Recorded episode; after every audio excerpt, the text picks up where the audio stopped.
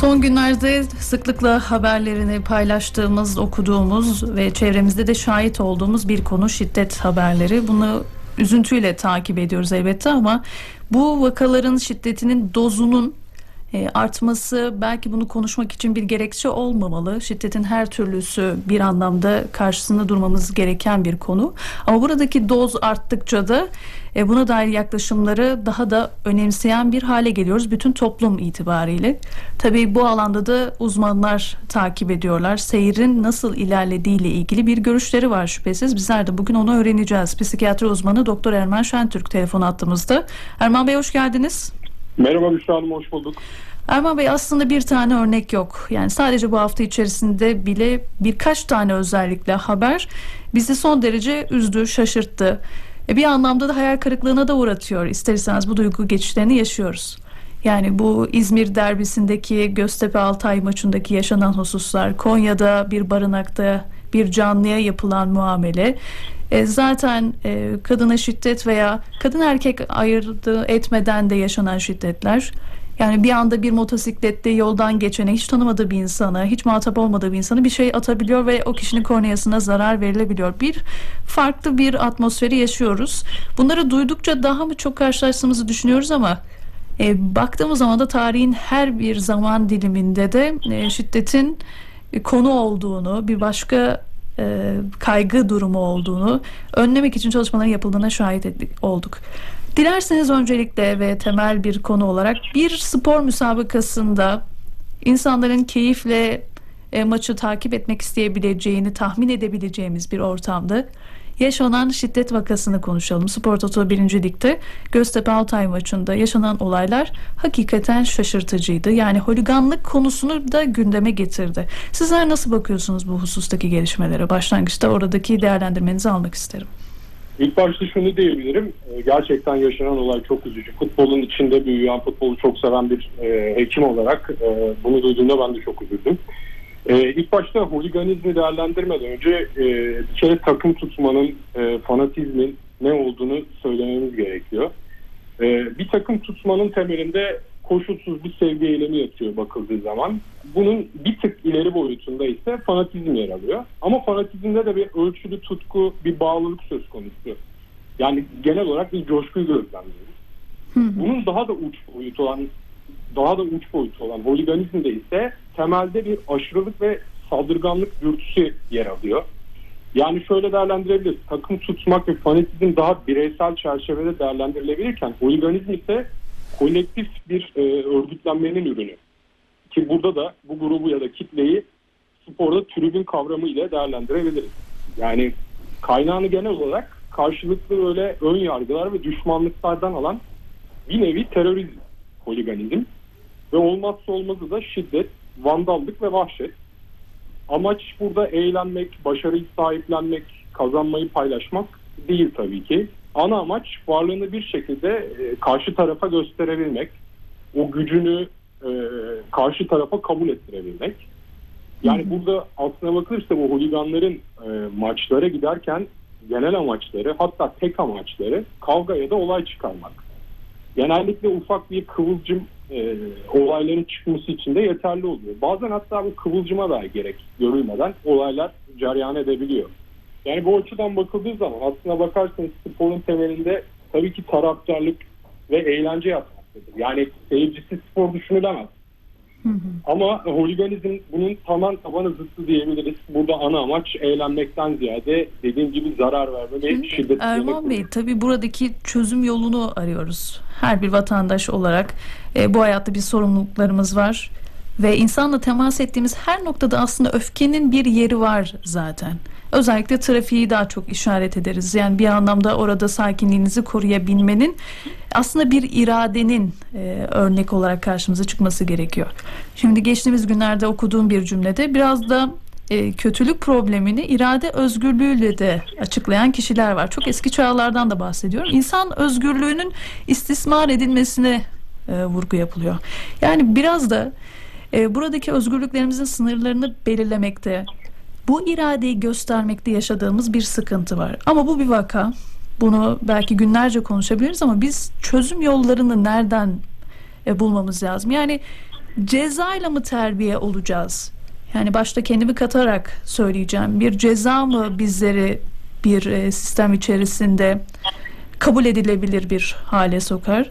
Bizler biraz da kabul görülen her şeyin doğru olduğunu tabii ki söyleyemeyiz.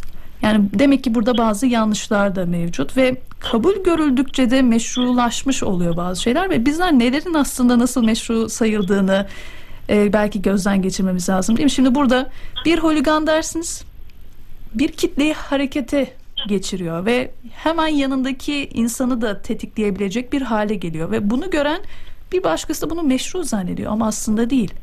Yani burada bilinçli olarak sokulan işaret fişeklerinden e, bahsediliyor ve bu bir taraftara yöneltilebiliyor. Yine bir korner direği daha maçın ilk yarısında hani ne olmuş olabilir dersiniz? Rekabet hangi seviyeye gelmiş olabilir ki bir kaleciye e, böyle bir şiddetle yaklaşacaksınız? Sizler uzmansınız. Yani cezayla şiddetin önüne geçmek bir başka bir konu. Ama insanı temel alan tarafı sizinle değerlendirmek isteriz. Peki bu tip durumları nasıl yatıştıracağız yani? Şöyle diyebiliriz. Aslına bakarsanız çok güzel değildiniz konuya. Ama bunu bireysel bazda e, çözebilmemiz çok olası değil açıkçası. Bu çok ciddi sosyokültürel derinliği olan bir konu. Sosyoloji ve toplumsal olarak ele almak daha doğru. Aslına bakarsanız bu insanların sosyal hayatlarını incelediğinizde sosyokültürel olarak genel olarak daha düşük seviyeden geldiklerinde ve yaşamlarında e, derin boşluklar olduğunu biliyoruz. Yani pek çoğunun bir hobisi, bir uğraşısı, zamanını geçirdiği herhangi bir spor ya da sanat alanı bulunmuyor bu kişilerin. Hı hı. Bu aslında üzerine durulması gereken ciddi bir problem. Yani küçük yaşta spor, sanat gibi aktivitelere yönlendirilmeyen çocuklarda ilerleyen yaşlarda yarışma, e, kazanma, kaybetme, e, empati kurabilme ve takım olma gibi bazı kavramların eksikliğini gözlemliyoruz. Yani bu açıdan bakıldığı zaman aslında en derin temel şeylerden bir tanesi kişisel hayatta bireyin kendi başına kazanamadığı başarıların aidiyet hissettiği kulübün başarısıyla tamamlanması gibi bir durum söz konusu. Ama bizde tabii kültürel bazı fenomenler var burada etkili olan. Mesela bazı atasözlerimize baktığımız zaman dayak cennetten çıkmadır. İşte kızını dövmeyen dizini döver. Ee, öğretmenin vurduğu yerde gül biter gibi birçok kalıplaşmış ve bize işlemiş olarak e, karşınıza çıkan bazı söz özetleri var. E, bunun yanında çocukluktan itibaren fiziksel olarak güçlü olmaya, karşınız, karşıdakini gücüyle alt etmeye e, ve şiddet davranışının akranlar arasında saygı gören bir davranış olduğunu olduğuna tabiri caizse özendiriliyor. E, bu zihniyet içinde yetiştirilen kişiler yani eğitim ve donanımdan da mahrum kalınca o içselleştirdikleri davranışlarını yetişkinlik zamanlarında e, bu şekilde dışa vurabiliyorlar. Yani hı hı. özellikle bizim ülkemizdeki gibi böyle sonuç odaklı ve sabırsız olma zihniyetinin çok üst düzeyde olduğu kısımda holiganizmle çok bağdaşıyor. Ve holiganizm, holiganizm de tam olarak bu noktada devreye giriyor. Şimdi şöyle bir şey söylediniz. Yani her yerde şiddet var. Böyle açtınız böyle. Şimdi sokak, stadyum, trafik, hastane, iş yerleri, ya her yer öfke denizine dönüşmüş tabiri caizse.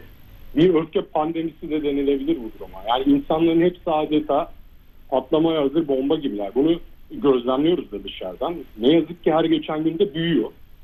Ee, ve bireysel öfkeler biriktiği zaman ve üstüne bir de bir kışkırtmaya açık bir hale gelirse, kışkırtılmaya açık bir hale gelirse işler ne yazık ki o noktada çığırından çıkılmaz bir e, boyuta ulaşabiliyor. Yani toplumsal öfke aslına bakarsanız e, şiddeti meşrulaştırıyor. Yani tarihte sizin dediğiniz gibi bunun pek çok örnekleriyle dolup taşıyor.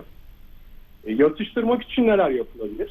Yani şimdi aslında bu kişiler bizim sokaktan tanıdık olduğumuz kişiler. Yanımızdan geçen kişiler. Sokakta, trafikte, hastanede, okulda hep karşılaştığımız insanlar. Yani bu insanların hayata dair fikirleri, istekleri, e, sosyal hayatları, ekonomik durum gibi pek çok değişkenler içerisinde hayatlarını idame ettiriyorlar bu kişiler. Ya futbol aslına bakılırsa burada sadece bu buzdağının e, görünen bir yüzü diyebiliriz. Yani e, biz eğer samimi bir şekilde holiganizm bitsin istiyorsak aynı zamanda işte kadına yönelik, sağlık çalışanlarına yönelik, hayvanlara yönelik, e, aynı zamanda trafikte ki şiddetleri de bitirmemiz lazım. Yani şiddetin bütün unsurlarıyla topyekun savaşılması gerekiyor açıkçası. Yani çünkü toplumsal olaylar böyle bir neden sonuç ilişkisi içerisinde tezahür ediyor her zaman. Eğer bir sonuç varsa ortada mu- mutlaka bu sonucu ortaya çıkaran nedenleri de iyi analiz etmek gerekiyor. E, iyi analiz edilmediği zaman sonucun getirdiği problemlere de katlanmak zorundayız ve uzun vadeli çözümlerle bunu çözebilmemiz de çok mümkün gözükmüyor açıkçası.